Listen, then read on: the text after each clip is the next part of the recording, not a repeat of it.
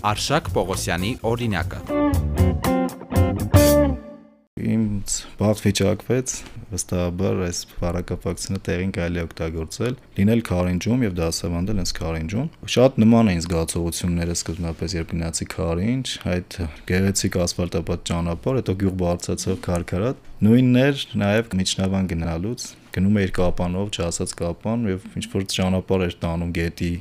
եզերքով ու ամբողջությամբ քարքարոտ մոտ 1 ժամ գնում էիր այդպես եւ գյուղն էլ շատ նման սեպտեմբերին դեռ անտարային փարթամ եղանակ է եւ անցոր ամեն օր դու ականատեսես լինում ինչպես է նկարաշունը տարածվում այդ ամենը հիանալի է իսկ որ հասա արդեն մարդկանց հետ ծանոթացա դպրոցի հետ տնօրինության հետ շատ շատ ջերմ էր Արշակ Պողոսյանը նկարագրում է այն ճանապարհները, որոնք նրան տարել են դպրոց դասավանդելու։ Խարինջը Լորվա մարզի Գողտրիկ գյուղերից մեկն է։ Միջնավանը Արցախի Խաշաթաղի շրջանի քաղաքներից։ Դասավանդիր Հայաստան ծրագրի 6-րդ սերնդի ուսուցիչներից է Արշակը։ Սովորել է Երևանի Պետական համալսարանի հայ բանասիրության ֆակուլտետում։ Երեխաների հետ աշխատելու ցանկություն միշտ է ունեցել։ Ասում է, բախտը բերել է, որ կյանքի այս փուլում իր ցանկությունը կատարվել է։ Ուսանողական տարիներին շատ է այցելել Արցախ։ Բոլոր շրջաններում եղել էր, բացի Քաշաթաղից եւ 2020 թվականին որպես հայոց լեզվի եւ գրականության ուսուցիչ գործուղվեց հենց Քաշաթաղի շրջանի Միջնավան քաղաքի դպրոց։ Արդեն ոչ մի կասկած չկար, ես պետք է գնայի Արցախ եւ գնացի։ Արցախի ամենահարավում էր, Արաքս գետը երևում էր, երևի 200-300 մետրի վրա Արաքսն էր հոսում։ Խաչաթաղի շրջանի ամենահարավում Միջնավան քաղաքն էր։ Հիանալի մի տեղ էր ապրելու, ստեղծագործելու համար նաև մարդիկ շատ բարեհամբույր էին։ Ոմանց հետ նաև մինչ օրս շփումը պահպանվում է, չնայած երևի 1 ամիս եմ աստրել այնտեղ լինել, ապրել, ճանաչել։ Ժպիտներ են բերում այդ ակնթարթները։ Ամեն վարքյանը հիշում եմ, հիմա որ մտով ամեն պահը, որովհետև շատ ջերմ էր, կամ էլ երևի թե կիսատ է մնացել եւ այդ ջերմությունը ավելի է, այսինքն շատ քաղցր են դարձել հիշողությունները, երևի կարող է այդ է պատճառը։ Նախ աշակերտները շատ պատրաստակամ էին, աշխուժ էին, ցանկանում էին սովորել, ցանկանում էին նոր բան սովորել։ Իրենց համար ամեն դեպքում երևի թե նորություններ նաև Երևանից եկած ուսուցիչը իրենք ունեցել էին նման փորձ, բայց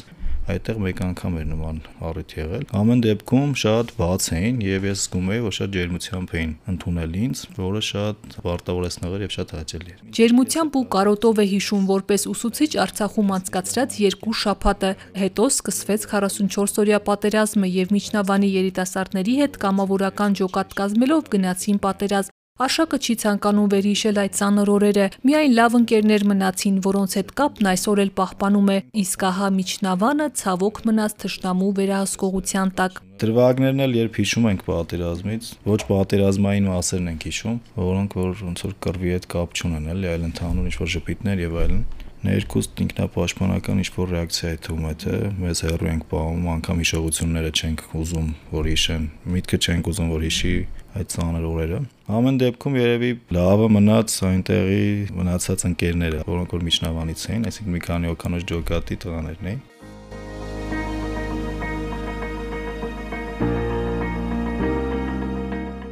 Արցախում դասավանդելու հնարավորություն կրկին կար։ Չի կարող բացատրել թե ինչու, բայց այս անգամ չցանկացավ գնալ։ Պատերազմի ավարտից հետո ներգրավեց դասավանդիր Հայաստանի արտակարգ իրավիճակում կրթություն ծրագրին, որի նպատակն էր հավաքել ուսուցիչների, ստեղծել թիմեր եւ գործուղել Հայաստանի այն համայնքներ, որտեղ Արցախից տեղահանված երեխաներ կային։ Արշակը միացավ Արմավիրի մարզի թիմին, սկսեցին բասկետբոլի աշխարհագրության ընդհանուր զարգացվածության արտադասարանային խմբակներ անցկացնել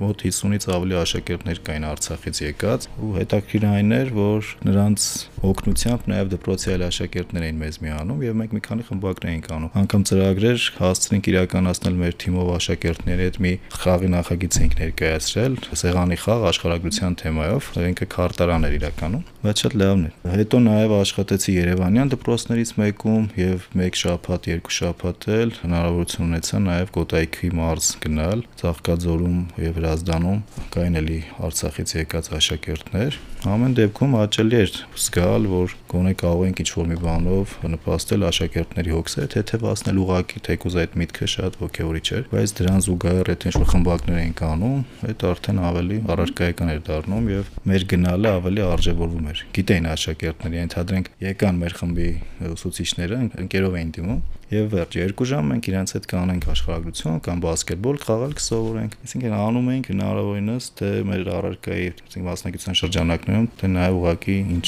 տիրապետում ենք հնարավորինս լավ եւ փոխանցում ենք մեր գիտելիքները աշակերտներին